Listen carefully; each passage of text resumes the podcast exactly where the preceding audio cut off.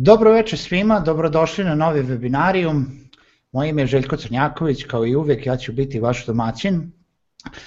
Želim da se zahvalim prijateljima webinara Infostud grupa korisnih sajtova i Altus Host hosting visokih performansi što su nam omogućili da držimo webinare.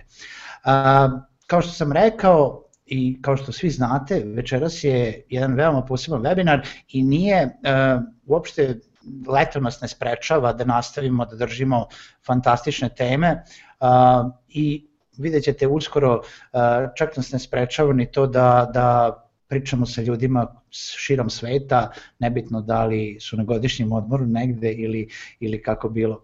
Večeras pričamo o kako da naterate da Google radi za vas, pričamo o platformi Google AdWords e, što se tiče oglašavanja i marketinga na ovoj jednoj od najmoćnijih platformi na internetu. I večeras sa nama je osoba koja dugi niz godina radi sa Googleom, sa ovom platformom, sa AdWordsom, koji je odličan predavač i nama je izuzetno zadovoljstvo da ga imamo večeras na webinaru. Sa nama je gospodin Miroslav Varga iz Escape studija iz Osijeka. Miroslave, dobroveče. Lijepi pozdrav vama i svima koji su na webinaru. Bolje da su negdje drugdje, ali eto kad su već došli da im damo maksimum.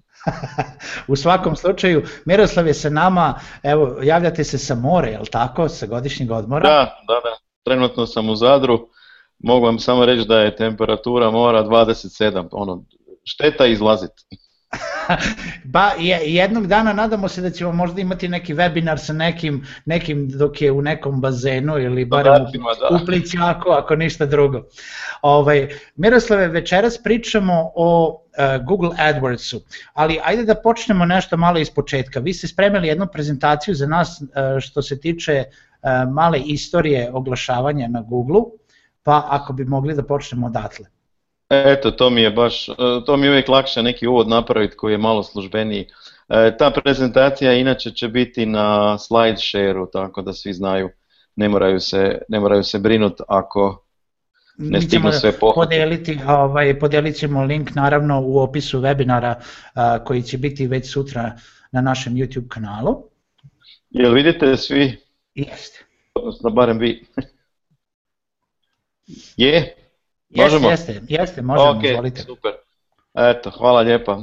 E, eto, kratko samo jednog gospodina bi spomenuo, John Wanamaker, inače otac oglašavanja, tako ga doživljavaju, ali nema fakulteta gdje ćete učiti o njemu.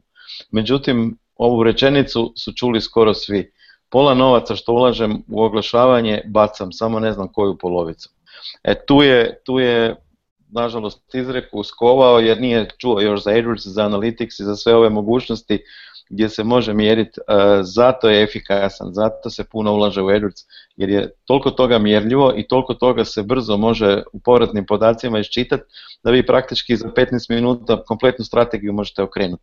Nije dobro, ne treba to raditi, ali ako vidite da idete u krivo, čemu bacati novac. E, tog John Wanamakera ste sigurno, e, svi, svi su ga sigurno vidjeli, koji je gledao westerne, pa kad e, dođe neka gospođa u neku trgovinu i želi nešto kupiti, onda ovaj izvadi katalog. I onda ona iz kataloga naručuje, e, to je John Wanamaker izmislio, katalošku prodaju, to je čisto malo iz povijesti da imaju. Ono što je zanimljivo, čim je internet izmišljen, vrlo brzo se iskoristio e-mail kao alat za promociju i dan danas, ja sam siguran mnogi dobivaju spam, e, nepunih dvadesetak godina od, od kad je izmišljen e-mail, ušao je u Websterov riječnik pojam spam zato što je spam eto, neželjena pošta i ono što svi mi svakodnevno dobivamo i budemo žrtve. Međutim, zanimljivo je, 85. godine je bilo pet web stranica na cijelom internetu e, koje su imale taj .com ili commercial e, nastavak. Bilo je ovih drugih e, tipa org, gov i tako dalje. Međutim, prva uopće web stranica je američka E, Defense Advanced Research Project Agency, tako nešto. E, jedna, jedna agencija koja radi za Sjedinjene države za prodaju. E, za prodaju i istraživanje najmodernijih oružja. Oni su 85. prvu domenu registrirali. Jeste vi imali, Željko, domenu 85. 85. sam imao 5 godina i, eto, i nije vam trebalo. mi trebao baš internet, ali ovaj, a da kažem da sam bio veoma sretan kada sam dobio prvi modem negde 90 i neki, samo kad sam ga ugradio nisam tačno znao šta ću sledeće da uradim sa njim. E, da. Symbolics.com, inače preporučam svima da si pogledaju, ta domena i dan danas e, postoji, aktivna je i na njoj je cijela povijest interneta. E, sve ono što je zanimljivo iz nekakvih podataka možete iščitati tamo, znači Symbolics.com koga zanima više od interneta. E, malo čudno izgleda kad dođete, izgleda kao, kao niz e, zgrada sa prozorima, ali svaki prozor koji kliknete skriva jednu crticu iz povijesti interneta. Ono što je fascinantno kod interneta, 2003. se uzima kao reper godina, jer 2003. je Google lokalizirao Google. Znači onda je nastao Google HR, uh, Google D, Google IT, znači te lokalne verzije Google tražilice koje su imale različite rezultate od Google Coma. Yahoo se nije baš tu potrudio, on je smatrao da je Yahoo kao takav dovoljno dobar, da svi mogu naći rješenje. Google je odmah krenuo Malo smo izgubili Miroslava. Miroslava, da li se na kraju ni tehnološki nisu na istoj razini. E, od početka ljudske povijesti... E, samo se izvinjavam, e, posljednje što smo čuli jeste da je Yahoo nije lokalizirao, pa ste se onda malo Nije na vrijeme lokalizirao, sad Yahoo se s tim baš i nije proslavio, međutim Google ima na preko 140 lokalnih domena svoje, svoju, svoju tražilicu prilagođenu lokalnom tržištu, lokalnom ponašanju. Zato je 2003. kao reper e, koja, koja je, gdje su pokazali da od početka ljudskog roda sve što su ljudi proizveli od sliknjige, knjige, glazbu, sve kad bi se digitaliziralo, to bi mogli spremiti na 40 egzabajta diskova, jedan egzabajt je milijardu gigabajta. A, e, od početka ljudskog roda do 2003. je ukupno cijeli, sve što su ljudi proizveli informacije 40 egzabajta, a onda je naprosto eksplodiralo pojava mobilnih telefona e, da e, spremanje različitih podataka, pogotovo slika i razmjena slika, društvene mreže i mobilni uređaji su napravili tu eksploziju, e, tako da je od 2011. praktički prebačena ta granica od 20 puta informacija u jednoj godini u odnosu na 20.000 godina ljudske, ljudske povijesti i svih informacija koje smo uveli. Ono što je fascinantno u tom dijelu, predviđa se da ćemo 2020. znači to je sad za, za 4-5 godina, e, staviti na internet e, u 2020. 2000 egzabajta podataka. To je, to je tako Eh, M, M ogromna količina, M fascinantno, ali i nas dovodi u poziciju da teško nađemo ono što nam treba. Jer svi znaju da je sve na internetu, samo ne znaju kako to pronaći, kako doći do tih podataka. E tu se onda eh, pojavio jedan lik, eh, malo ljudi je čulo za njega, e, Alan Emtaž. On je u stvari napravio prvi algoritam za internet tražilicu. On algoritam e, s kojim bi pretraživao te sve informacije. Međutim, nedostatak tog algoritma je da vi morate imati indeks, odnosno bazu, odnosno morate imati na svojim serverima skenirane sadržaje na internetu i onda svoju bazu pretražujete. Mi kad pretražujemo na Google nešto, mi ne pretražujemo internet, mi pretražujemo Googleovu bazu, Googleovu knjižnicu, nazovimo to tako. E, jer e, Google je sve što je mogao, što mu nije bilo zabranjeno, E, sa svojim robotima skenirao i spremio na svoje servere. Tako da svaka web stranica koja se nalazi na nekom serveru ima i svoju, e, svoj duplikat, ajmo reći tako, u Googleovoj knjižnici. I kad vi tražite neku web stranicu, vi ne tražite nju na internetu, nego e, te rezultate koje Google daje, on to ne daje rezultate interneta, nego rezultate svoje knjižnice, svog, svojih zapisa, svoje baze. E sad, temelj algoritma Eh, koji Google koristi je još izmislio Alan Entaž, eh, nije ga htio patentirati jer je rekao to će ljudima trebat, glupo je, inače preda informatiku u kanadskoj nekoj srednjoj školi, eto kad bi naš neki profesor, jel znate nekog profesora koji bi bio spreman napraviti nešto zanimljivo pa da to objavimo? Eh, trenutno i lično ne znam, pogotovo ne neko ko bi teo da pravi bez patenta. A dobro, on, on nije to patentirao, možete naći e, nešto članaka o njemu, vrlo zanimljiv lik i vrlo skroman, e, dosta, dosta ovako cijenjen u krugovima ljudi koji su, ajmo reći, insajderi u tom, nije, nije javno, nije, nije neka zvijezda, niti ga to zanima.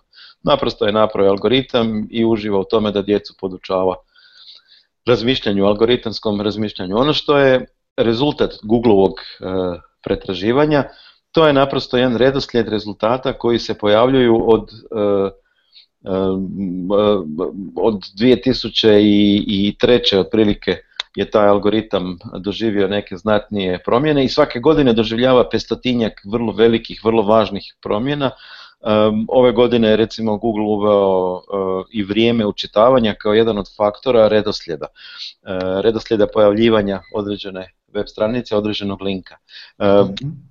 Ljudi često zaborave da je na Google u stvari e, se odvija taj takozvani search engine marketing, e, isto kao i na Yahoo i ostalim tražilicama, ali da ima dva dijela.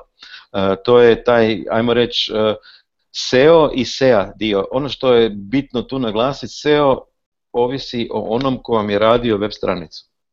Često ljudi misle da su dobro prošli kad su platili web stranicu 100 eura. Eh, platili su 100 eura instalaciju nekog CRM-a ili nekakvog sustava koji nije dobro optimiziran i onda se nikad neće pojaviti u prvih nekoliko stranica, to, to zna biti veliki problem, osim ako nije takva niša i takva specijalna ponuda informacija, šta znam, najbolji zubni implantati od titana. Ako to imate, takvu web stranicu, vjerojatno ćete biti prvi i sa stranicom od 100 eura međutim ako imate neku opću ponudu nećete biti. Ono što je bitno u tom marketingu i u čemu je Google napravio iskorak, u čemu je u stvari kompletna filozofija promijenjena. Mi smo imali e, do pojave oglašavanja o tražilicama, odnosno do SEMA, e, uvijek priču o takozvanom push marketingu. Znači ideš ulicom i onda te napada sto reklama, e, gledaš televiziju pa te napada sto reklama, slušaš radio pa te uništavaju. E, međutim e, e, filozofija Googleovog oglašavanja se svodi na pull marketing, odnosno ja sad tražim nešto i onda mi Google servira najrelevantnije rezultate iz svoje baze koje se nalaze u takozvanom SEO ili organskom dijelu i servira mi podatke iz takozvanog SEA dijela, Search Engine Advertising dijela, to je taj Google AdWords, gdje se oglašivači trude za tu neku e, frazu koju sam ja tražio ponuditi najbolje poruke, najbolje oglase da me na neki način zainteresiraju za njihovu e, ponudu. I zato je e, jedno i drugo se plaća, samo što se ovaj ceo dio plaća onom ko vam radi web stranicu, neki, to je uglavnom neko, neko lokalno, a ovaj SEA dio, ako ne možete čekat, jer e, dobar, dobar SEO majstor treba nekad i tri mjeseca i šest mjeseci da, da vas dotera, a loš majstor vas možda nikad neće doterati na prve pozicije, tako da ako ne možete vremen, nemate vremena čekati tri mjeseca ili šest, onda naprosto e, zakupite određenu frazu i za tu frazu kažete Google kad netko to traži, prezentiraj mu E, moju poruku koja glasi nekako. I to je suština Google AdWordsa. Miroslav, e, samo kratko da vas prekinem. E, kratak samo osvrt na SEO. Mnogo pričaju ljudi jel da, da kako Google uvijek izbaci neki novi algoritam, neki novi set pravila, da mnogo stvari što ljudi rade kao da, unapređe, da unaprede SEO, da to sve pada u vodu. Pa koliko je još uvijek bitan sam SEO i koliko on može da znači E, za nekoga. Da li je to još uvek e, onako jako bitno ili sve više ljudi treba pređe na plaćeni marketing? Reći mm, vam ovako, ne treba preći na plaćeni marketing i SEO je bitan, a nekad je bilo dovoljno da ste nazvali stranicu, ne znam, e, rabljeni, rabljeni automobili, .rs da ste imali stranici rabljeni automobili, da ste kupili milijun linkova iz Vijetnama za 1000 dolara uh, koji su bili smeće linkovi, ali ste imali jako puno linkova i da bi Google algoritam mislio aha, ova je stranica jako bitna za rabljene automobile, a u biti ste prodavali, ne znam, sladoled. Pričam na pamet, nije, nije baš tako funkcioniralo, ali recimo da su linkovi bili ključ cijele priče. Uh, kako, koja promjena se događa, SEO se svodi na takozvani content. Znači, e, daj mi sadržaj koji nisi kopirao, koji se nigdje drugdje ne pojavljuje, e, pokaži mi vrijednost e, tog sadržaja za moje tražitelje, onda ću ja kao Google trčati za tobom, jer za tobom trče tražitelji, odnosno publika, a Google je servis za publiku. Znači, logika SEA se promijenila u smislu da se sa tih tehničkih caka i linkova prelazi sve više na sadržaj i Google je tu sve sofisticiraniji. E, rekao sam ove godine primjerice je ta brzina učitavanja postala jedan od tih 200 do 250 faktora kako kada Google e, e, neki ubaci, neki izbaci.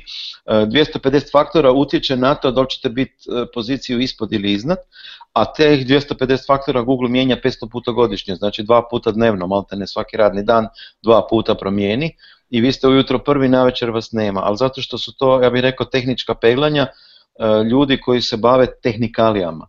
Ako trčite zatim da imate dobar sadržaj, da ljudi dolaze i da ga žele konzumirati, onda će Google trčati za vama i to, je sva mudrost. E, što se SEA tiče, e, samo bih naglasio jednu, jednu ovako malu E, malu zanimljivost. Mi kao ljudi, mi kao, kao korisnici naprosto se ne želimo zamarati da gledamo 25 stranica. Mi 75% ljudi vam prestane gledat nakon petog rezultata. Znači gleda prvih pet i tri četvriste Google ne gledaju šesti ili dalje bilo koji rezultat. Ima čak u Google i mala poskočica kad čak Norris nekog sastavi, onda ako ne želi da se nađe leš, stavi ga na drugu stranicu Google jer tamo nikad niko neće tražiti.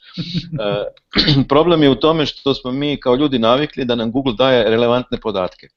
I prvih pet tabova, ljudi nešto traže i otvore prvih pet tabova jer je to u takozvanom over the fold e, ekranu, odnosno u, onom vidljivom dijelu ekrana neće ni scrollat, mi smo toliko ljeni da ne želimo ni scrollat dole do sedmog, osmog rezultata.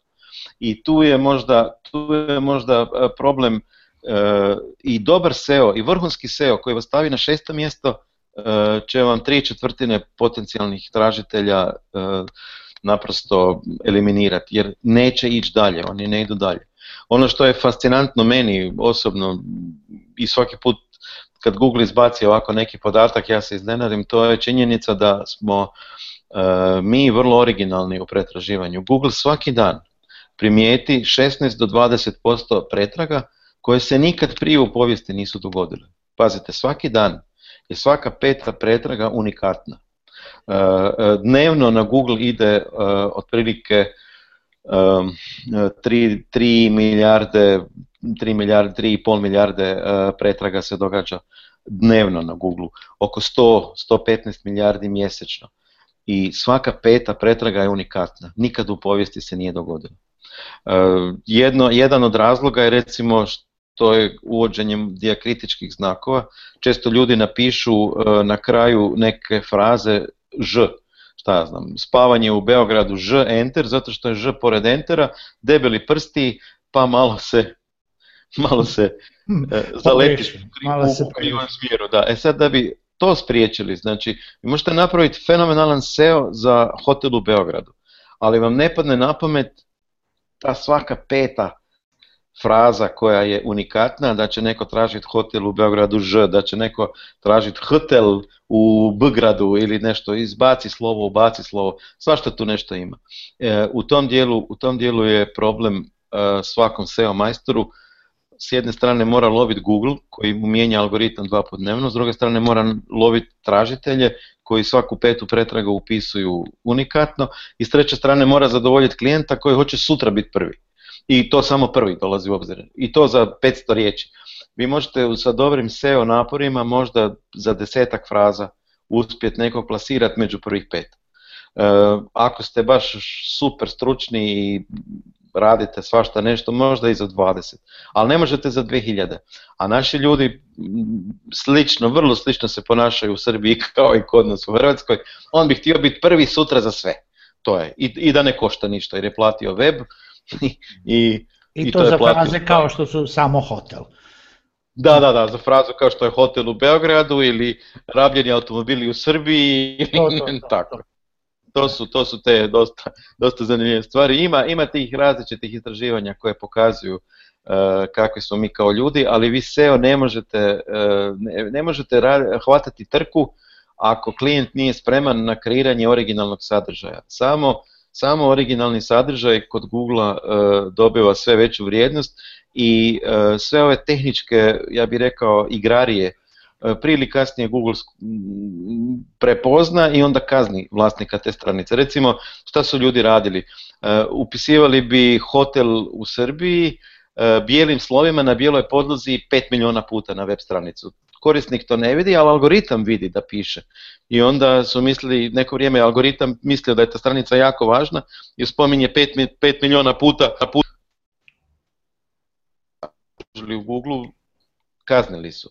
Svaka promjena, sve, što, sve što radite prepozna se i trikovi nisu dugoročno rješenje.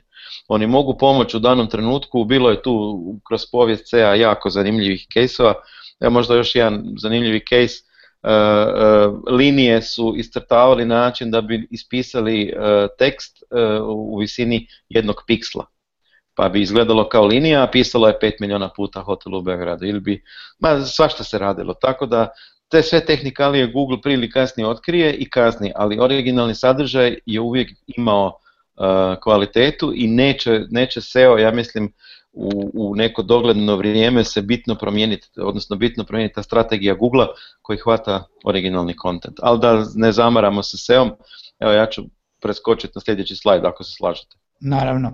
Ja, bi dodao, ja dodao samo na to da ako bi se upostilo sva ta mašta za, za kreiranje belih slova na beloj podlozi i slova u vidu linije u kreiranju originalnog kontenta još bi... A, Željko. Pa, e, znate šta, e, često ljudi, često ljudi misle da su dovoljno kreativni E, da su u stanju, ali nisu, uvijek je dobro uzeti još nekog e, sa strane da vam malo otvori neki drugi kut gledanja, ali dobro, to košta uglavnom pa se bježi od toga. E, nešto što ću vam pokazati što može koristiti svakome, sutra, ujutro već ili danas na večer, to su ovi alati koji su ovdje navedeni. Pokazat ću vam kako, kako koji radi i mislim da će ljudi imati nakon nakon s ovim alatima dosta dobar uvid u to kakav kontent kreirati. Jer kontent e, se kreira za korisnika, a ne za Google, ne za Google algoritam. I korisnik se ponaša po određenim pravilama, ono što je naša sreća što Google sve podatke koje ima, e, skoro sve, ajde, ne, ne baš sve, ali skoro sve podatke koje je prikupio nama e, prezentira i kroz te svoje alate. Pa ću vam pokazati recimo correlate e, Nadam e, jel se vidi prezentacija? E, vidi se sada prozor. Čuje se, vidi se prozor. Dobro. Google Correlate je alat koji pokazuje kako koji pojam korelira s nekim drugim pojmom. Ono što je bitno pri tome znati to je matematički model. On, on ne može dati matematičku predikciju niti može dati matematičku kauzalnost, on samo daje matematičku korelaciju. Šta je kauzalnost? E, u visokoj korelaciji su pojmovi kao što je kišna kabanica i kišobran, ali kauzalnost, kauzalnosti među njima nema, jer ne utječe e, veću potražnju za kišobranima, veća potražnja za kišnim kabanicama, nego i kišna kabanica i kišobran su njihova kauzalnost se nalazi u kišnom vremenu, u kiši, u, u oborinama, u nečem već drugom. Znači kauzalnost je nešto drugo, visoka je korelacija među njima, ali doće li sutra se tražiti kišobrani, to ovisi o vremenskoj prognozi. Tako da, da otprilike znaju ljudi šta je razlika između predikcije, između kauzalnosti i korelacije. Evo pokazat ću vam jedan zanimljivi primjer, e, pivo, beer, e, u Sjedinjenim državama. E, s čime korelira pojam pivo, e, preći ću na, na mjesečne, na mjesečne ove e, serije, na mjesečne serije podataka. I onda ako pogledate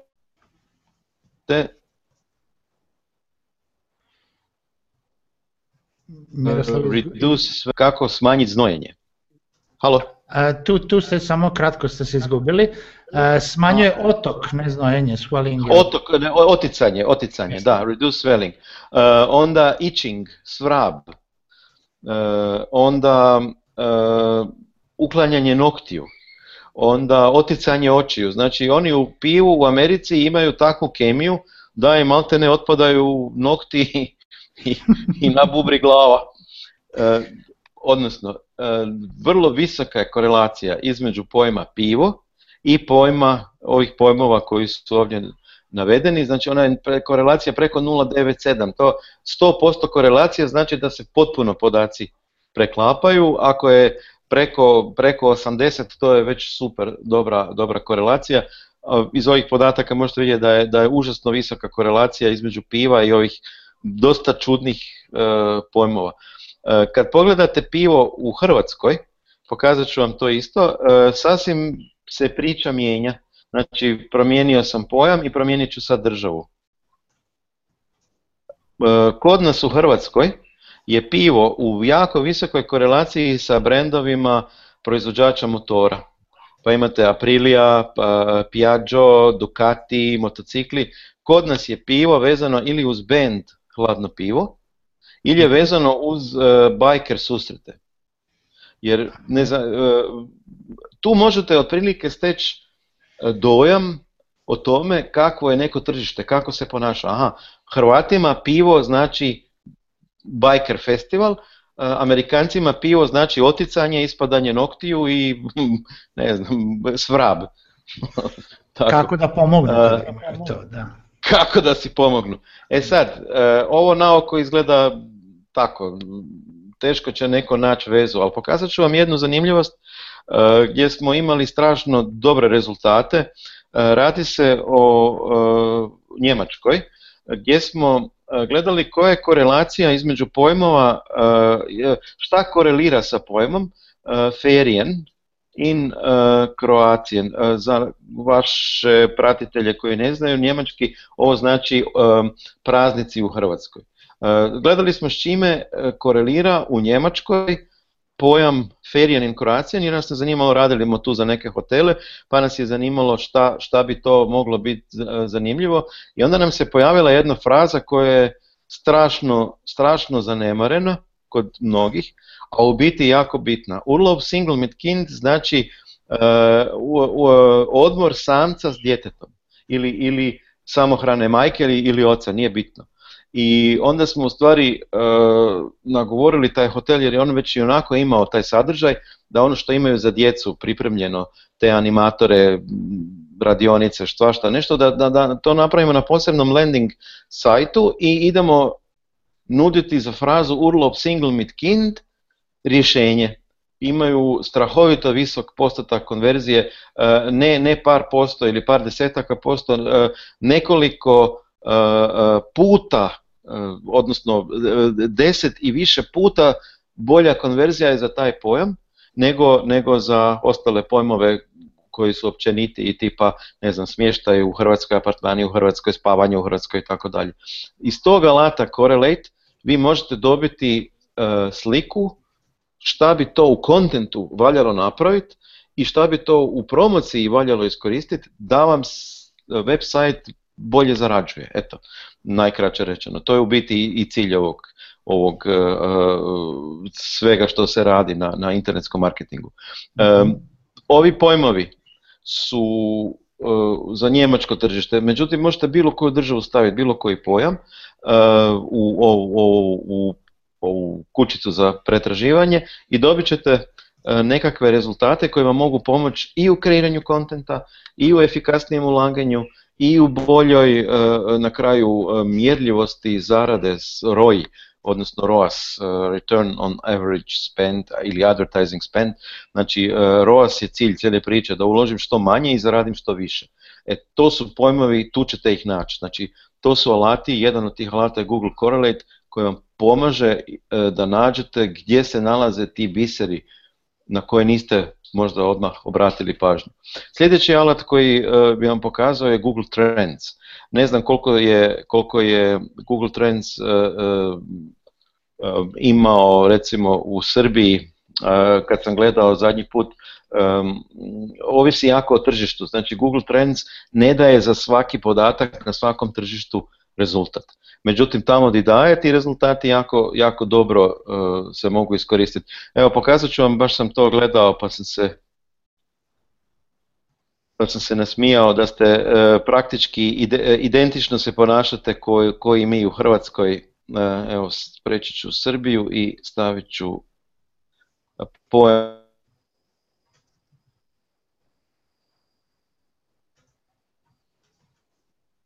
malo, malo me sad... Jeste Dobro, malo se učita, dok se učitava. Aha, ili sad se čujemo? Čujemo se, čujemo se. E, dosta je moćan alat, pa onda treba neko vrijeme.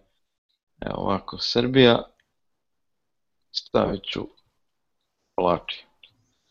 E, imamo situaciju... Ovo je bilo za jučer, a ja ću napraviti zadnjih 11 e, godina. Znači, od, e, šta je od 2004. godine do danas u Srbiji se događalo na Google pretraživanju s pojmom kolači. Pogledajte ovu, ovu e, pravilnost. Negdje 2011. se može početi mjeriti, ali ajmo mi 2012. Pogledajte, 2011. u decembru kolači i onda ima mali pik u aprilu, onda ima veliki pik u decembru, pa mali pik u aprilu, pa veliki pik u nove... Božić upravo to. Znači kad se traže kolači u Srbiji, onda je to na Božić i na uskrs. Ista stvar, identično. sve u Hrvatskoj malo su, da, malo su drugačije krivulje, ali E, eto, uzeo sam Srbiju, a sad pokazat ću vam sad na primjeru Hrvatske, jer mi smo imali srećom zbog turizma nešto više ulaganja u internetski marketing, a što se više u nekoj državi ulaže u tu državu, pa ću vam pokazati kako to izgleda e, na primjeru Hrvatske, iako su podaci podložni Um, DNS-ovima, odnosno uh, podacima koje Deutsche Telekom šalje Google, pa zna biti malo greške. Ali kao što vidite, recimo u Hrvatskoj to je elektrokardiogram. Isto je decembar, isto je sve isto. Znači nema, nema greške. Ono što mi imamo, a vi još u Srbiji nemate, to je ova mogućnost da se vidi po gradovima. Znači mhm. ja mogu vidjeti da, je, da su kolači najtraženiji u Slavonskom brodu, znači u Slavoniji, onda drugi su Vinkovci, i onda za no, iznenađenje Dubrovnik, recimo. E, to su lokacije gdje su najintenzivnije pretrage, odnosno kako to Google daje. Na od 100 pretraga koje su se dogodile na nekom području, najveći broj e, pretraga gdje su se spominjali kolači dogodio se u Slavonskom brodu. Znači u omjeru na, na ukupni broj pretraga, najveći relativni broj pojavljivanja su bili kolači i Slavonski brod je dobio ocjenu 100 svi drugi su dobili nešto malo manje. To su kvalitativni podaci, nisu apsolutni. Ali mhm. se mogu iskoristiti. Ono što je bitno, e, to je ovaj drugi dio koji se nalazi na dnu. Taj drugi dio daje kontekst, daje e, šta se uz kolače tražilo. Tražili su se recepti, tražili su se božićni kolači, tražili su se torte, tražili su se brzi kolači, jednostavni kolači, kremasti kolači. Šta vidim iz toga? Ja vidim šta moje tržište na Google radi. Iz toga vadim onda sadržaj o kojem ću pisati na svom webu, ako imam želju i imam mogućnosti u, tom, u tim ključnim riječima prezentirati neki kvalitetni sadržaj.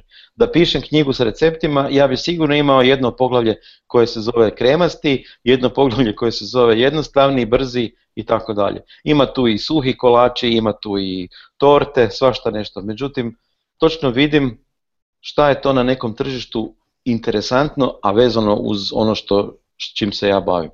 Tu, može, tu se može e, strašno zanimljivih stvari izvući. Jedna od najzanimljivijih stvari meni je ovaj forecast. E, možete uguglat, e, zove se čovjek Tobias Price. Mm-hmm. Tobias Price on, je, on se kladio, on predaje u, na švicarskoj MBA školi, najboljoj svjetskoj školi za financije i bankarstvo. E, on se kladio sa svojim kolegama, on je inače tamo profesor e, e, matematike, a inače je doktorirao statističku fiziku. jako slično se ponašaju dionice i, i cijene na tržištima kao i kod prelaza iz krute u plinovito stanje ili iz kruto tekućeg stanja, to je statistička fizika koja objašnjava te, te pojavnosti. E, on se kladio kao matematičar sa svojim kolegama da ko će više zaraditi na kraju novaca ulažući u dionice, on je koristio Google Trends. Na uzorku od 100 firmi, dvije su propale do kraja te kalendarske godine na 98 firmi njegove kolege koji su vrhunski brokeri, bankari, e, financijaši su zaradili 130, a on je zaradio 300 koristeći samo Google Trends i to je kupovao dionice kad je vidio aha sad, sad sezona raste pa je kupovao kad bi bili kolači te dionice, onda bi ih kupovao negdje u desetom mjesecu, da, a prodavao ih je kad, kad su počele, kad, su, kad se vidjelo sezonski da će past peak i to je koristio ovaj forecast. Znači matematički model koji Google ima daje predviđanje potražnje i time je dokazao još jedan fenomen, a to je što se više nešto na Google traži, to se i bolje prodaje. Kvalitativno, e, kvalitativno su te dvije krivulje u korelaciji. On, to ne znači da je porast pretrage na Google od 15%, znači i 15% povećanje prodaje. To samo znači ako raste na Google broj pretraga, vjerojatno raste i prodaja. I to je pouzdanost vrlo, visoka. Ovi svi podaci koje Google daje imaju pouzdanost 5 e, devetki. Znači 99,999 mhm. je vjerojatnost da će ovaj forecast ići i na godinu kako ide. I tu recimo ko se želi igrati na burzi, dovoljno mu je znati nešto o Google Trendsu i može početi ulagati. Ako bude imao sreće, price napravit će od 100-300. To je tako, zgodna, zgodna jedna priča o, alatu koji se zove Google Trends. E, treći alat je Global Market Finder. E, ono što sam vidio u Hrvatskoj, malo ljudi ga koristi, e, do nedavno čak neki koji se bave AdWordsom nisu, nisu znali da postoji, baš se neki kolega, neću sad ne spominjati, iznenadio, pa zašto nam Google nije rekao da tako nešto postoji, onda su mu ovi iz Google rekli, pa mi smo mislili da vi to znate, kako možete raditi AdWords ako to ne znate.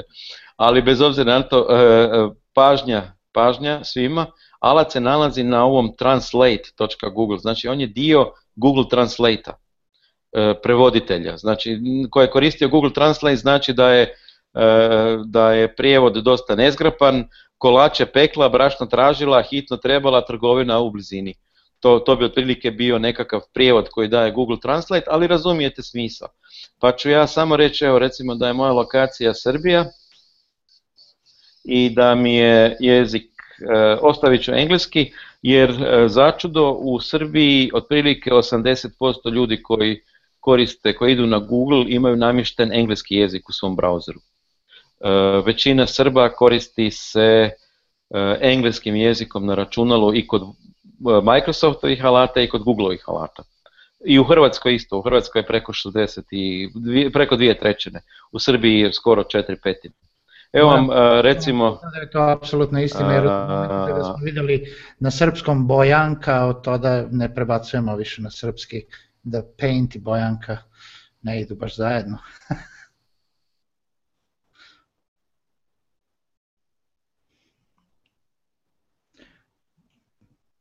Miroslave, čujemo li se?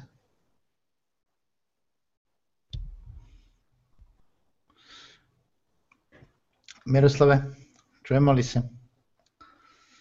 Miroslav nam je nešto izgleda malo ovaj, utihnuo, zato što u želji da pokazujemo sve ove late, koristimo jako puno interneta, a on se nalazi trenutno na moru, toliko ćemo dozvoliti da samo par trenutaka da vidimo da li će uspjeti da se vrati. Miroslave, vi slobodno, ako treba, javite se ili restartujte.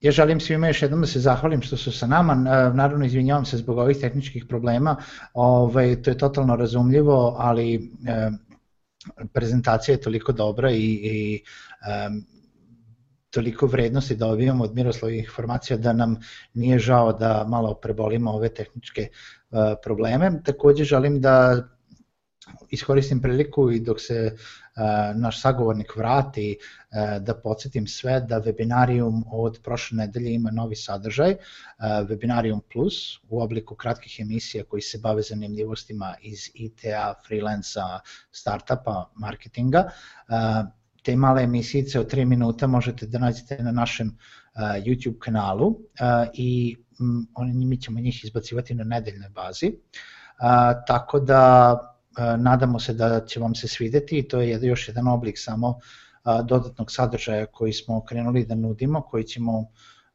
kako na izbacivat ćemo utorkom, ali također vidjet ćete ovaj, i u našem newsletteru, vidjet ćete putem naših društvenih mreža, na Facebooku i na Twitteru.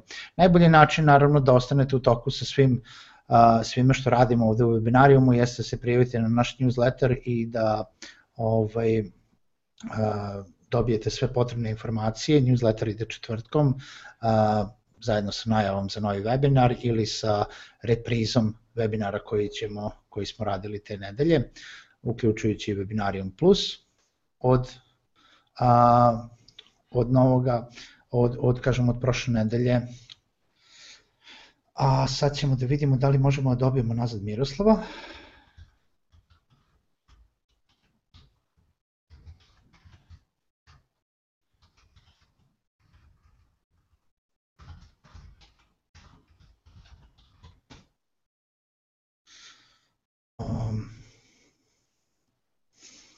Tako da, e, evo ja mislim da se vraćamo. E, I tu smo. ne znam je puklo. Nema nikakvih problema, evo mi smo iskoristili malo prilike da pričamo o gledaocima o Webinarium Plusu, nekom novom sadržaju koji smo radili, dok smo Super. sačekali, drago nam je.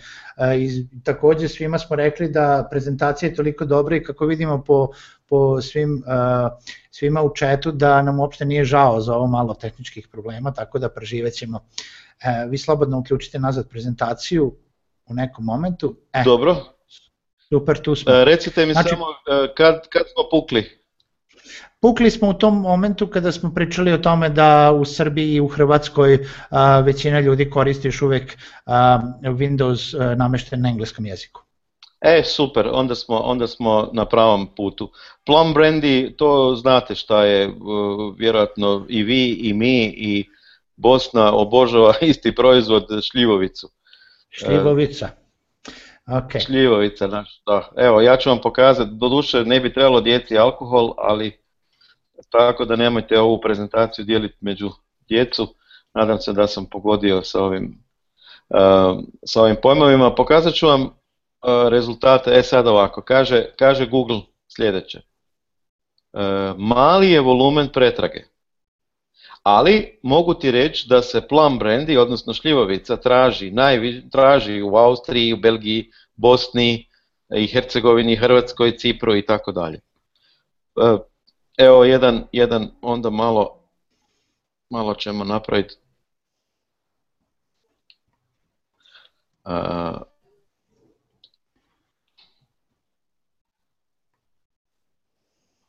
Jel vi to nazivate Bagremov med, isto koji mi da, naravno. Eto, pokazat, probat ću sa Bagremovim medom, isto mi neštima, a samo ću jezik staviti srpski. Ajde da vidimo, možda, možda, će mi sad biti malo, malo skloniji. Evo ako kaže, kaže Google sljedeće. U Europi se Bagremov med trenutno Halo?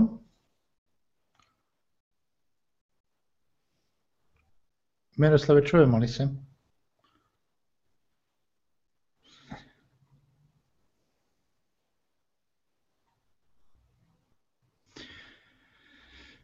nažalost, opet imamo tehničkih problema. Više je do interneta sa strane našeg e, predavača i gosta. E, Vidjet ćemo da li može da povratimo vezu.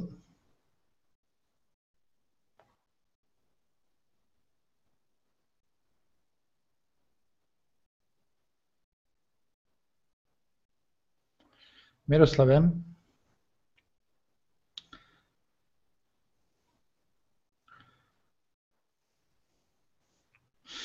Eto, nažalost, još, još uvek e, traju malo tehnički problemi, kažem, e, najviše zbog toga i ono što...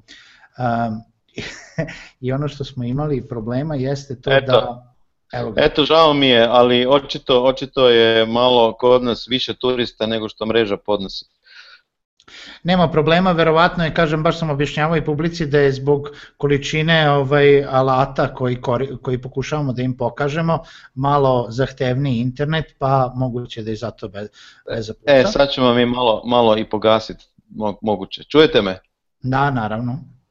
Dobro. Ha, ovako. Kao što vidite, akad, e, Bagremov med i u Bugarskoj Akacijev med. I kod vas ja mislim da neko na to Akacijev med moguće, ja lično nisam čuo, ali... Dobro, ono što je interesantno iz ovog alata, to je to da se u Bugarskoj naziva taj proizvod ovako, da je prilika ogromna, da je prosječni e, mjesečni pred, broj pred, da bi cijena klika u, za Bugarsku bila jedna, jer praktički konkurencije nema. Znači ne oglašava nitko, Bagremov made u Bugarskoj na Google. U, mhm. u Francuskoj ima jako velike konkurencije, ima doduše i velika potražnja, ali Google kaže nemojte ići u Francusku jer vam je M skupa cijena klika, M velika konkurencija i onda kaže možda vam je bolja prilika iskoristiti, evo ja ću samo ovo pokazati, iskoristiti možda Dansku. I sad eto, eto odmah e, svim onima koji se bave AdWordsima, ako imate klijenta koji prodaje neku robu i uporno je zamislio da bi on trebao ići u primjerice e, Austriju, vidite da je cijena klika u Austriji 135 dinara. A vi mu kažete nemoj, idi u Dansku, tamo je 9 dinara. Mhm. Iz ovog se može napraviti pravi internet marketing plan sa ulaganjima, sa budžetima i promijeniti kompletnu strategiju ulaganja prije nego što je uopće bilo ko potrošio ikakav, ikakve pare. Jer je vidljivo iz ovog da je, da je Austrija e, i po broju pretraga i po cijeni klika 5 do 10 puta slabije tržište nego Danska. I onda idemo u Dansku. Eto, to je, to je recimo super alat, taj Global Market Finder za svakog onog koji ima neki proizvod i koji bi htio napraviti neku strategiju e, izvoza, ali ne zna u koju državu da ide. Google mu svojim alatom to bitno, bitno olakšava. Ehm, I tu smo došli do ova tri alata. Nadam se da su bila zanimljiva, ehm, jer ovog neću uopće otvarati, poučen iskustvom. Ehm, jer ako nam pukne veza, a puknut će sigurno, consumer barometar je najsloženiji i najopsežniji. Ono što iz consumer barometra, samo ću vam kratko reći, možete iščitati, to su navike ponašanja onih ljudi koji imaju više uređaja. Znači, ako idem na ljetovanje, da li krenem sa pretragom na mobilnom uređaju ili na laptopu ili na računalu kod kuće ili na računalu u firmi. Znači, daje mi čitav jedan eh, eh, tijek ponašanja korisnika. Google to naziva eh, takozvani see, think, do, care ciklus. Jer nisu ljudi u cijelom ciklusu uvijek jednako, a iz consumer barometra to što možete vidjeti Eh, da li krenut nudit neki proizvod prvo na mobilne uređaje, pa onda kasnije na, na eh, YouTube, pa onda preko YouTube-a doći do tražilice ili nekim drugim putem. Jer šta je problem? Eh, jeste vi, Željko, googlali iPhone 2006. 2006. sigurno nisam, ali e. 2012. jesam. E, u tom je problem. Nitko neće googlat proizvod ili uslugu ako ne zna da postoji. Znači ja neću tražiti vodoinstalatera ako ne znam da, da prvo ako mi ne treba i drugo ako ne znam da se to tako zove. E, ali ako znam da netko nudi tu uslugu, naravno ću googlat. E, ta priča sa Google Consumer Barometer mi daje smjernice kako da napadam tržište ako još nisu čuli za mene. Recimo u Srbiji bi dobar primjer bio Zlatibor. Malo ljudi je čulo za, za E, mogućnosti smještaja i prednosti i ljepotu Zlatibora. I to se može iskoristiti onda da se vidi kako se ponašaju ljudi koji bi htjeli ići otputovati, ne znam, na planine. Mhm. I onda se napravi cijeli marketing plan na temelju Google Consumer barometra, a ova tri zadnja alata to ću vam pokazati kad uđemo u AdWords e, sustav baš ja ću polako svim gledalcima da kažem da imamo još jedno, zbog tehnikale koje smo imali, još jedno 15-20 minuta predavanja, a vi možete primeni, polako pripremati pitanja, ostavljati ih u četu, mi ćemo nakon našeg izlaganja preći preko svakog pitanja koliko god budemo imali vremena i potruditi se da damo odgovore. Miroslave, vraćamo se na vas. Da, što se mene tiče, ja sam na godišnjem, nije, nije problem. E, evo, evo e, Znači ova tri alata ćemo pokazati kad budemo u AdWordsu. Čisto malo samo za one koji, koji možda prvi put čuju za AdWords, bilo koji pojam može se e, iskoristiti da ispuca bilo koju poruku. I ja sam to na primjeru svog imena i prezimena napravio. E, to je isto jedan od zgodnih modela za kupiti nečije ime i prezime.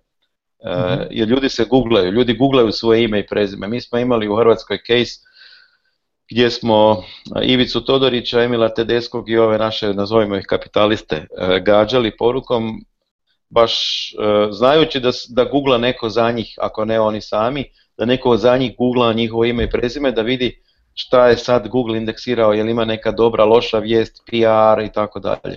I baš smo išli na, na taj sistem da ćemo napast tu osobu kad bude prvi put sljedeći uguglala svoje ime, poslati neku poruku, ali baš ciljano toj osobi. Pa smo mhm. imali, ne znam, e, i za Ivicu Todorića, ona Ivica imamo super prijedlog za, ne znam, za poboljšanje prodaje u konzumu. Lupeta. Mhm. Ali može se iskoristiti taj model, to je ovako zgodna, zgodna priča.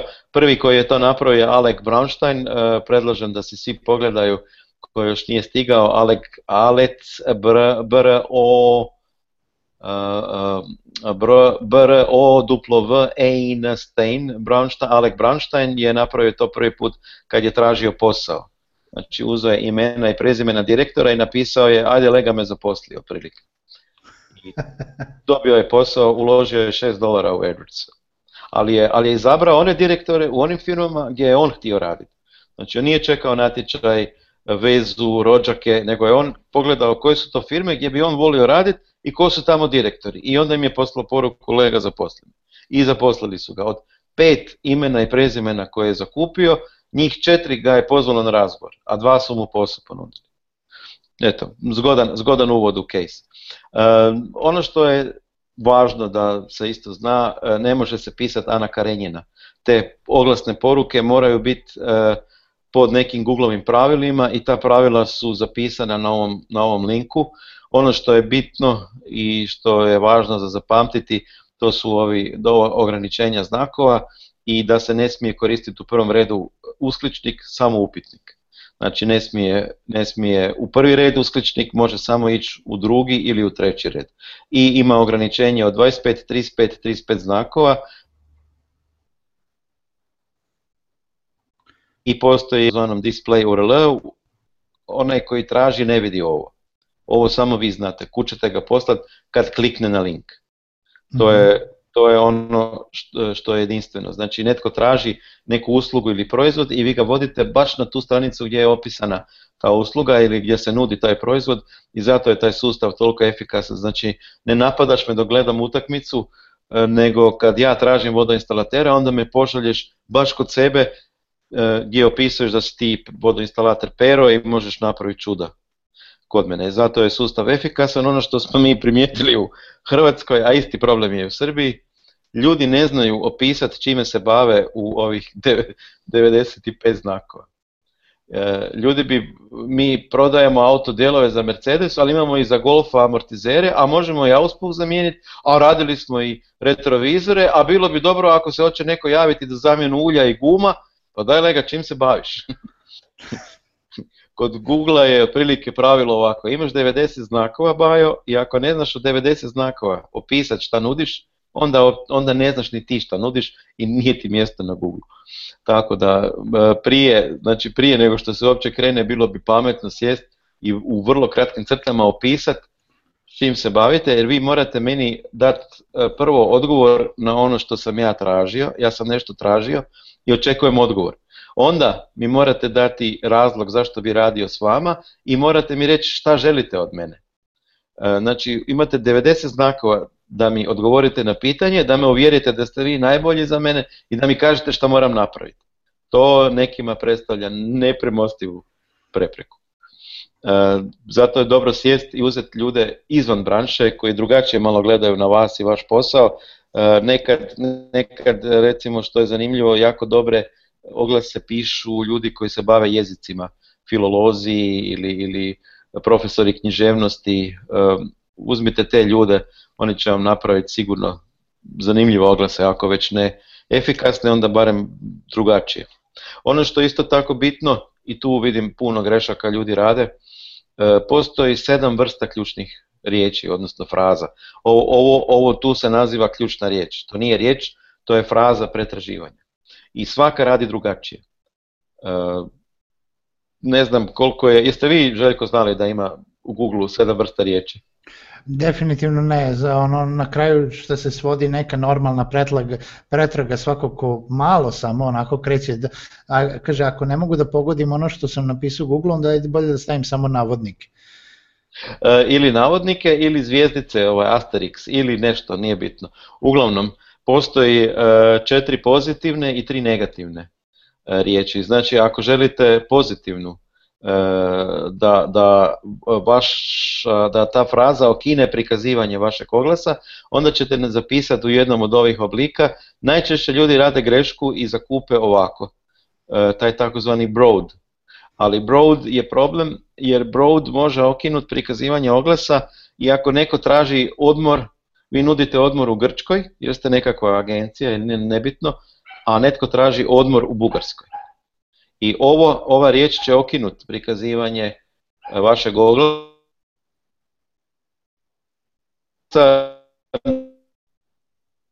traži odmor u Bugarskoj. Ili obrvi dogodilo koje, koje E, isključuju prikazivanje i postoje kod pozitivnih riječi različiti načini zapisivanja koji znače različite stvari. Ovo znači, broad znači, da može biti u frazi koju neko traži u Google. Bit, može biti riječ odmor i ne mora biti riječ odmor ako ima riječ grčka. Mhm. Znači bilo koji padežni oblik, jednina, množina, e, može biti recimo nemiri u Grčkoj, ova ovako zakupljena ključna riječ bi mogla okinuti prikazivanje vašeg oglasa, neko traži, znači pita Google nemiri u Grčkoj, čuje nešto, a dobije, dođete se odmoriti u Grčku, tu je super, tu je cool. E, još sa takvim primjerom nije problem, ali problem je recimo kad nudite avionsku kartu za let u Kuala Lumpur, a on oglas se prikazuje pored e, pada malezijskog aviona ili ili nekakve takve stvari, onda to bude malo nezgodno. Tako da morate paziti e, kod odabira ključnih riječi kako ste ih odabrali, kojim redom nekad je bitno i šta ne želite da se, da se e, dogodi, odnosno šta ne želite da ispuca vaš oglas. Odmor u Grčkoj u ovom slučaju znači da može biti ili odmor ili Grčka u frazi, pa, će, pa je moguće da okine, okine oglas. Ali okinut će i odmor u Bukarskoj možda. Ovdje ne, jer ovdje znači kod broad modified znači to se stavlja plusić.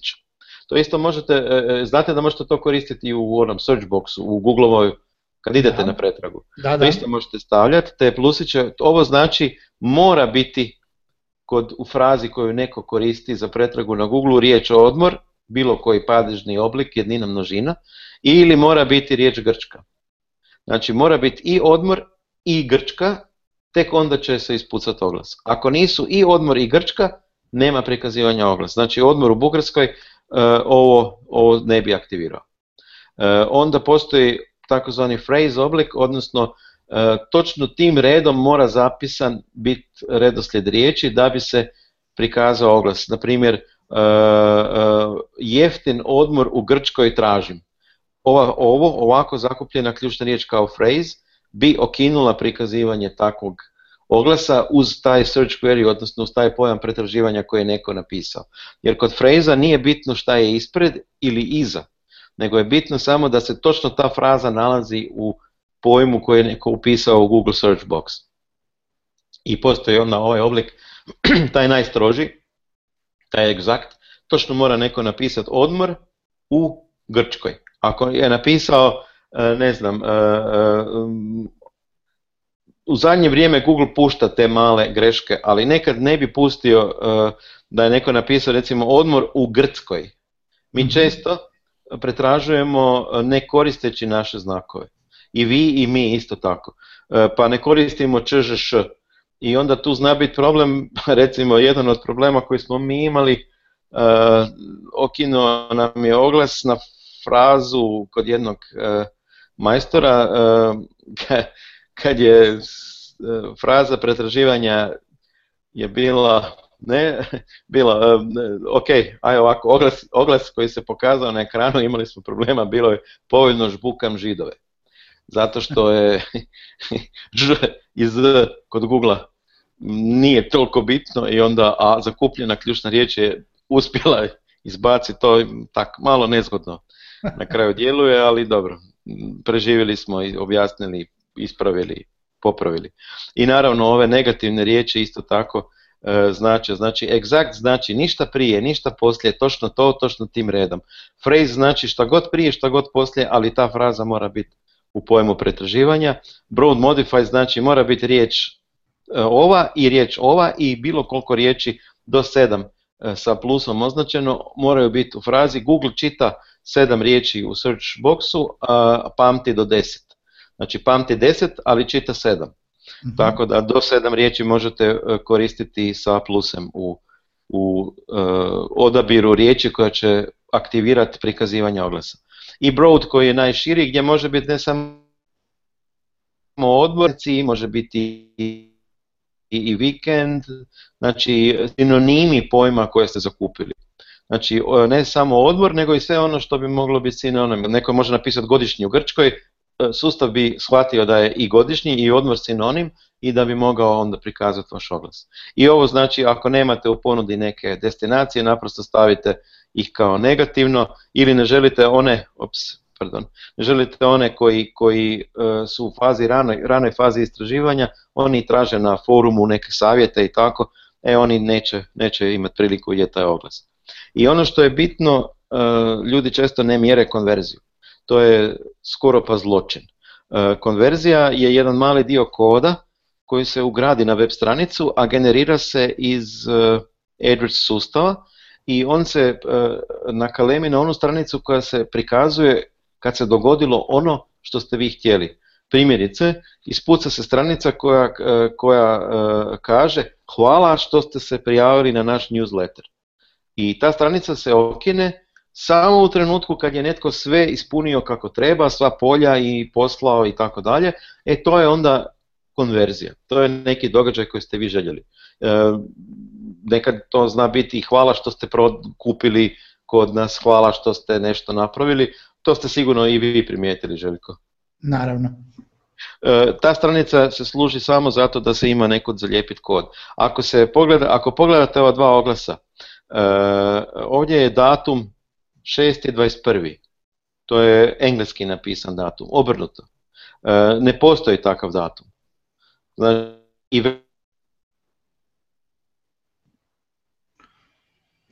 Miroslav, izgubili smo vas na kratko. Velika slova je po ovim pod... Halo? Ja vas čujem. Tu smo, samo smo, stali smo kod 6.21. Ja se izvinjamo e, da Znači namjerno, namjerno krivo napisan datum i namjerno krivo napisana velika slova. Znači namjerne gramatičke greške u oglasu mhm. dovele su do toga da mi je e, e, ovaj oglas e, po rezultatima više od dva puta bolji u prodaji on po mhm. podacima, po cijeni klika, po podacima koji, kad bi neko gledao samo te, te neke, eh, ja bih rekao, općenite podatke, CTR je recimo podatak, koliko puta se oglas prikazao u odnosu na to, eh, odnosno koliko puta se kliknulo na oglas u eh, odnosu na to koliko puta se prikazao. Znači klik podijeljeno sa brojem impresija. Što je veći CTR, znači da je poruka ljudima bolje legla. Ovaj oglas je imao lošiji CTR i nekad ljudi gase oglase samo na temelju CTR-a. Ono što je bitno je prodaja. Meni je u ovom slučaju prodaja dva put veća na krivom oglasu. Uvjetno mhm. rečeno krivom, namjerno smo to testirali. I to treba uvijek testirati, znači gramatička greška, je velika slova na krivom mjestu, e, čudno ispisani datumi, valuta prije ili valuta poslije, jako puno ima tih sitnica koje vam mogu e, bitno promijeniti, znači ovdje je duplo E, više nego duplo bolja prodaja e, na nekim sitnicama u oglasu. također taj GDN sustav, znači ovo, ovo je e, oglašavanje u tražilici, znači netko je nešto tražio u Google tražilicu, neki pojam i dobio oglas. Postoji drugi sustav kod Google, to je taj ugovorni portalski sustav ili display network gdje vi uz neki portal možete E, preko Google plasirati svoj tekstualni ili slikovni oglas e, na temelju sadržaja nekog članka, na temelju e, ključnih riječi koje se spominje u tom članku na temelju kategorizacije web stranice. Recimo jedan zgodan primjer, ako je web stranica kategorizirana kao stranica za bird watchere, onda je odlično tamo oglašavati prodaju foto opreme. Jer bird watcheri su najluđi u kupnji fotoaparata, u kupnji objektiva, stativa i ne znam čega. Jeste to znali, Željko? Pa pretpostavljao sam shodno tome da, mada sam više mislio da e, je ovaj jel dvogledi u da su više dvogledi u pitanju, ali naravno Dobro, foto, foto oprema i, i oprema za proma za daljinsko promatranje, to su najbolji su bird watcheri kupci. Pa ako je kategorizirana stranica kao stranica za bird, watchere, onda me nije onda me svejedno koji je članak uz koji će se pokazati moj oglas o povoljnim E, fotoaparatima i naravno postoji taj takozvani remarketing o čemu se radi e, kad vi dođete na neku web stranicu ona vam ubaci kuki u, u, vaš browser e, znači ako ste došli pogledat primjerice stranicu sa prodajem papuča onda će vam u vašem browseru ostati zabilježen kuki sa datumom kad ste bili i još nekim podacima i kad kad vi kažete e, Google, ajde mi sad sve one koji su gledali papuče, hvata i nanovo jer mi nisu kupili, a želim prodati te papuče, onda kažete e, e, stavite, stavite korisnika u remarketing listu i kroz remarketing listu Google gleda da li sad taj korisnik e, čita o rezultatima utakmice Barcelona Real na nekom portalu. I ako čita kako je Messi igrao, tup, oglas, e, lega, a papuče, i onda gleda, ne znam, vremensku prognozu za London, a tamo oglas, e, a papuče, i gdje god ovdje remarketing lista ga hvata, na temelju kukija, odnosno Google sustav gleda gdje se sad taj kuki nalazi, šta gleda, i tamo mu plasira oglas koji ste vi rekli da je vama važno da ponovo vidi onaj koji je bio gledat neki sadržaj.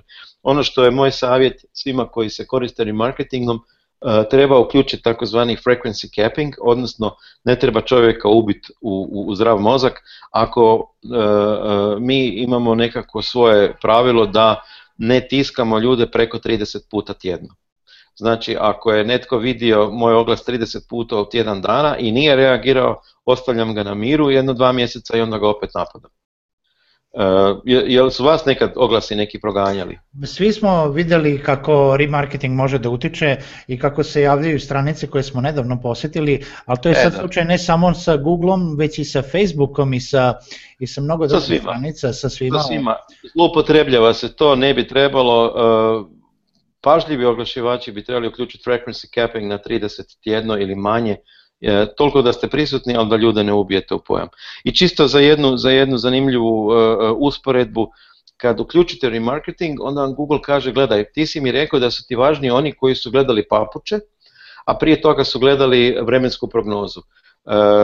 Gle, ja ti znam još similar, recimo ovdje vidite, moja lista nizozemaca je imala 1800 nekakvih, odnosno 6400 nekakvih osoba, Google kaže ja ti znam još 51.000 koji se isto tako ponašaju, koji pogledaju vremensku prognozu i onda dođu na tvoju stranicu kupe, kupe kamp. I onda me naprosto mi nudi hoćeš li ih ili nećeš. Znam kako se ponašaju, slično se ponašaju.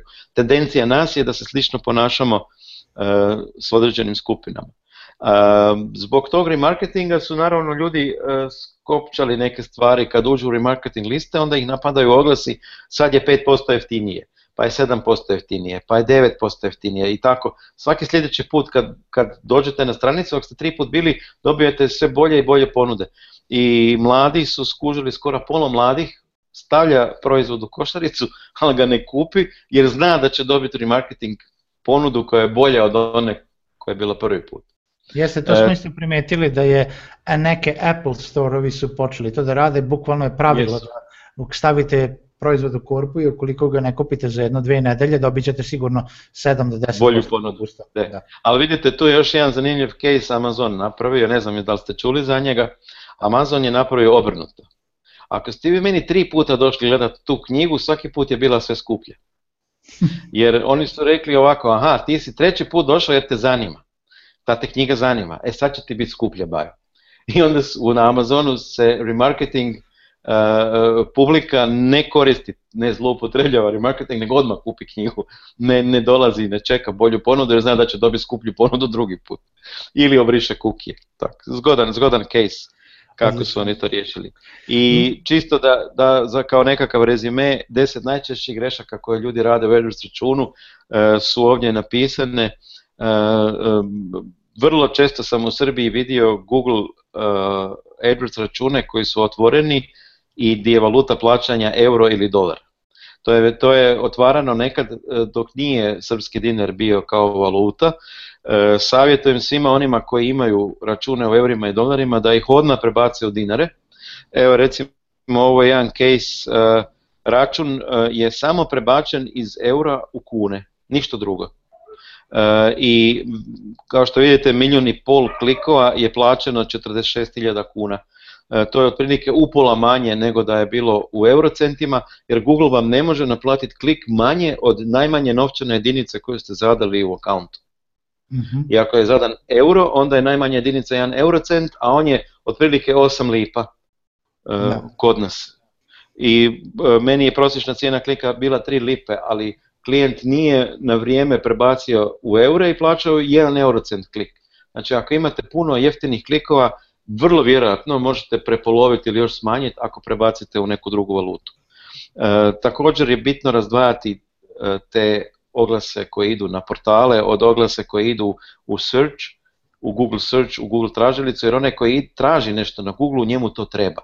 On nije došao se igrat. Igraš se na Facebooku, na YouTubeu, ali kad tražiš vodoinstalatera, onda vjerojatno trebaš vodoinstalatera. Tako da nije dobro oglašavati se onim push marketingom i televizija i radio i portali i vodoinstalater, vodoinstalater, pa kipi na sve strane. E, te kampanje, kaže Google, treba razdvojati u posebno, znači da idu ili samo na display ili samo na search, ali nikad zajedno u display i search, jer e, e, remeti se statistika u searchu i plaćaju se skuplji klikovi. E, isto tako je često problem da se samo broad riječi koriste, isto tako sam vidio da nema puno akaunta sa negativnim riječima, uvijek možete staviti barem na svaku pozitivnu pet negativnih recimo univerzalna negativna riječ je besplatno, ako nemate nešto besplatno, e, skupo, glupo, e, lažljivo, ne znam, šta god, e, ima puno izraza koji možete odmah uzeti, jer ako testirate kampanje sad, vidjet ćete da neko možda prodaje glupe bušilice ili skupe, najskuplje bušilice ili najnekvalitetnije bušilice, pa ćete vidjeti da je vjerojatno mašio u u odabiru negativnih riječi. Isto mhm. tako previše riječi ljudi zakupe, htjeli bi se baviti svim i svačim, e, treba ići e, po meni fokusirano, ne, ne kažem, neko ima para pa nek ide odmah široko, ali ko nema para, a najčešće ljudi kod nas nemaju para, neka se fokusiraju na jednu ili, ili nekoliko E, specifičnih usluga ili, ili proizvoda i onda kad uspiju tu zaraditi nek šire priču, nek ne idu sa previše, sa previše ključnih riječi, e, ne koriste ljudi sitelinkse, e, šta je sitelinks, to je recimo u ovom primjeru oglasa je sitelinks broj telefona. Pokazalo se da se korištenjem tih sitelinksa, odnosno proširenja, povećavaju performanse, smanjuje cijena oglasa. Isto tako savjetujem uvijek najmanje dva oglasa Eh, koji okidaju iste riječi da bi mogli testirati. I ne mjere se konverzije što je, vidjeli ste na onom primjeru, puno bolje nekad oglas prodaje koji na oko izgleda lošije, skuplje i tako dalje. Eh, e, također jedan veliki problem, vidio sam da u Srbiji, barem ove kampanje koje sam ja gledao, ljudi koriste kao jezik srpski, što nije dobro jer Srbi imaju namješten engleski kao glavni jezik. I to je moj savjet za, za cijeli Balkan, u cijelom svijetu kad idete oglašavati, oglašavajte lokalni jezik i engleski, znači njemački i engleski. U, u Njemačkoj 30% odnosno browser je namješten na engleski, u Austriji slično, u Sloveniji slično, u Bosni je otprilike kao i i ono što je možda zadnja, zadnja najveća, najčešća greška je da ljudi ne povezuju Adversi Analytics. Analytics je besplatni alat E, koji Google nudi, koji mjeri kako se ljudi ponašaju kad su došli na vašu web stranicu. AdWords vam pokazuje kako se ponašaju dok još nisu došli, šta pretražuju, šta ih zanima, koji oglasi su im bolji, ali kad jednom kliknu i dođu na vašu stranicu, onda ih dalje prati Google Analytics. I to vidim da često ljudi ne koriste, što je šteta, e, praktički se svodi na jedan klik e, ako je otvoren račun i dobro je instaliran kod. Imate vi, Željko, instaliran Analytics? A, nemam, ja, ja lično ne koristim. Probajte. Probajte. Ok, i ovdje će biti na slajdu uh, uh kontakt podaci. E sad malo smo s vremenom zagrabili možda u, u privatluk, nadam se da nije bilo dosadno. Uh, e, ja, mislim da je, da, ja mislim da je jedna od e, e, puno, puno boljih prezentacija koje smo imali i da smo stvarno stekli jedne vredne, informacije o alacije koje ljudi već sutra da počnu da koriste. Pa i danas, i danas. Eto, ja ću vas, ja ću vas sad prepustiti publici, pa što se mene tiče, krećemo, ehm, krećemo ja bi da polako pređemo na pitanja ovaj, publike, ovaj, nam je, ovaj, ovaj, da, a Miroslav, ako možete da, samo da pogledate da ste se slušalice ili Imam slušalice. Mi... Se čujemo preko... Da li Halo? Da, li nas čujete ja ili nas preko, preko, čujete preko zvučnika? Preko Pa pratim vas preko slušalica. Dobro, pošto se malo čujemo, ovako, evo, ovako sad je malo bolje. bolje. Malo imamo odjek, Ajde, nema veze. Stavit ću mikrofon bliže, možda će to pomoći. E, u svakom slučaju želeli bi da pređemo polako na pitanja i da kažemo publici da ćemo se e, pokušati dogovoriti sa gospodinom Miroslavom za recimo konkretno da pređemo preko neke AdWords kampanje ukoliko bude imao vremena ovaj, možda kada se vrati sa godišnjeg odmora Ove... to ovaj, sam htio večeras pokazati, ali sam razvezao malo s prezentacijom, nažalost. Ja mislim da nikome nije žao, evo e, vidim po četu da je svima jako drago i da su hvale predavanje, svi žele još jedno, pa nadam se da ćemo se možda moći e, dogovoriti za neki nastavak, kažem konkretno vezano za AdWords, već možda početkom septembra ako imate vremena, ali o tom potom posle webinara, da e, pogledamo, imamo nekoliko pitanja publike, ja ću vama pročitati pitanje, Miroslave, što kraće, što konkretnije, da vidimo da li možemo da pređemo preko svih pitanja. Evo, kaže ovako, prvo pitanje je kako mogu da iskoristim AdWords vouchere koji se dobijaju od američkih hostinga?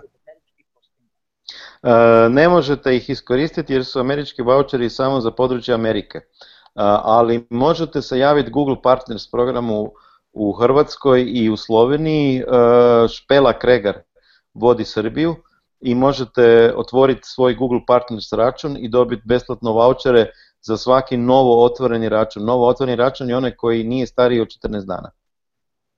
Posebni su voucheri za Ameriku, a posebni za Srbiju ne možete, čak ni iz Hrvatske ne možete voucher u Srbiji.